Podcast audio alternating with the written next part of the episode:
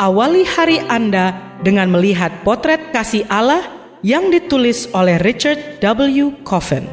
Melalui renungan pagi ini, kita akan mempelajari karakter Allah yang menuntun kita kepada kasihnya. Bersama Pendeta Andre Daimbani, selamat mendengarkan. Shalom, selamat pagi saudaraku. Renungan pagi kita hari ini 3 September berjudul Anak Domba Allah.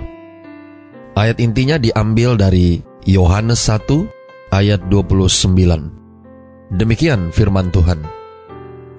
Pada keesokan harinya, Yohanes melihat Yesus datang kepadanya dan ia berkata, Lihatlah, anak domba Allah yang menghapus dosa dunia. Mari kita dengarkan penjelasannya. Yohanes Pembaptis melayani sebagai perintis bagi pelayanan Yesus. Yohanes mengaku bahwa ia datang untuk menyiapkan jalan bagi Yesus. Yang menarik adalah bahwa ayat pendukung baginya, Yesaya 40 ayat 3, ada suara yang berseru-seru, persiapkanlah di padang gurun, jalan untuk Tuhan, luruskanlah di padang belantara jalan raya bagi Allah kita. Jalan yang disiapkan adalah untuk Tuhan, Allah kita. Jika itu adalah yang sedang dilakukan oleh Yohanes Pembaptis, dan jika ia melakukannya bagi Yesus, maka ini merupakan satu lagi petunjuk tentang keilahian Yesus.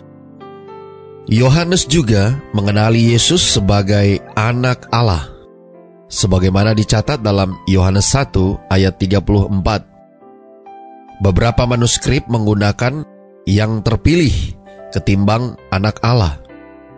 Tapi sebagian besar sumber menggunakan istilah yang terakhir. Namun demikian seperti yang mereka katakan, itu belum semuanya. Yohanes juga menyebut Yesus anak domba Allah. Para pelajar Alkitab bersilang pendapat tentang makna yang dimaksud oleh Yohanes. Gambaran anak domba merujuk pada beberapa hal. Tulisan-tulisan apokaliptik orang Yahudi berbicara tentang anak domba yang menang dan menaklukkan kejahatan pada akhir zaman. Demikian pula, dalam kitab Wahyu, kita menjumpai anak domba apokaliptik yang sama, yang pada akhirnya akan mengalahkan kuasa kejahatan.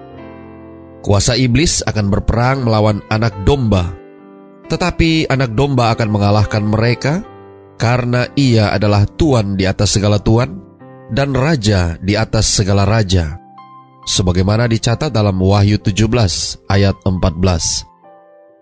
Para pelajar yang lain mengidentifikasi anak domba sebagai hamba yang menderita dalam kitab Yesaya. Hamba yang menderita itu seperti anak domba yang dibawa ke pembantaian, seperti induk domba yang keluh di depan orang-orang yang menggunting bulunya. Ia tidak membuka mulutnya.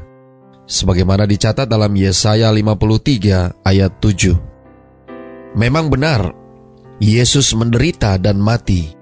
Tapi apakah Yohanes Pembaptis telah memperkirakan hal itu? Mungkin ya, mungkin juga tidak. Ada yang berpikir bahwa gambaran anak domba itu merujuk pada anak domba Paskah. Dalam konteks yang lebih luas dari Injil Yohanes, kita mempelajari bahwa penderitaan Yesus terjadi pada hari persiapan Paskah. Dicatat dalam Yohanes 19 ayat 14. Dan Paulus menyebut Yesus Kristus sebagai anak domba Paskah kita yang telah disembelih dicatat dalam 1 Korintus 5 ayat 7. Saudara-saudara yang kekasih di dalam Tuhan, kemungkinan yang lain untuk menafsirkan gambaran Yohanes mengenai anak domba itu adalah sebagai korban bakaran yang tak terputus. Inilah yang harus kau olah di atas mezbah itu. Dua anak domba berumur setahun, tetap tiap hari dicatat dalam Keluaran 29 ayat 38. Karena pemaknaan anak domba ini sungguh beragam, barangkali kita tidak perlu memilih salah satu. Karya Yesus pada kenyataannya melampaui semua kemungkinan itu. Doa kita hari ini. Bapa, terima kasih. Melalui renungan pagi ini, kami boleh belajar tentang satu hal yang sangat penting dalam kehidupan kami. Terima kasih melalui renungan pagi ini, kami boleh belajar tentang Yesus yang disebut sebagai anak domba Allah oleh Yohanes Pembaptis. Tolong kami hari ini Bapa, biarlah dengan pertolongan kuasa roh kudusmu, kami boleh dapat melihat potret kasih Allah melalui kehidupan Yesus sebagai anak domba Allah yang menebus kami manusia yang berdosa. Terima kasih Bapa.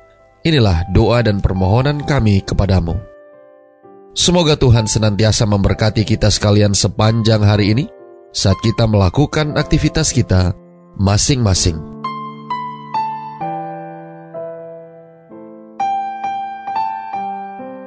Demikianlah tadi pembahasan tentang potret kasih Allah.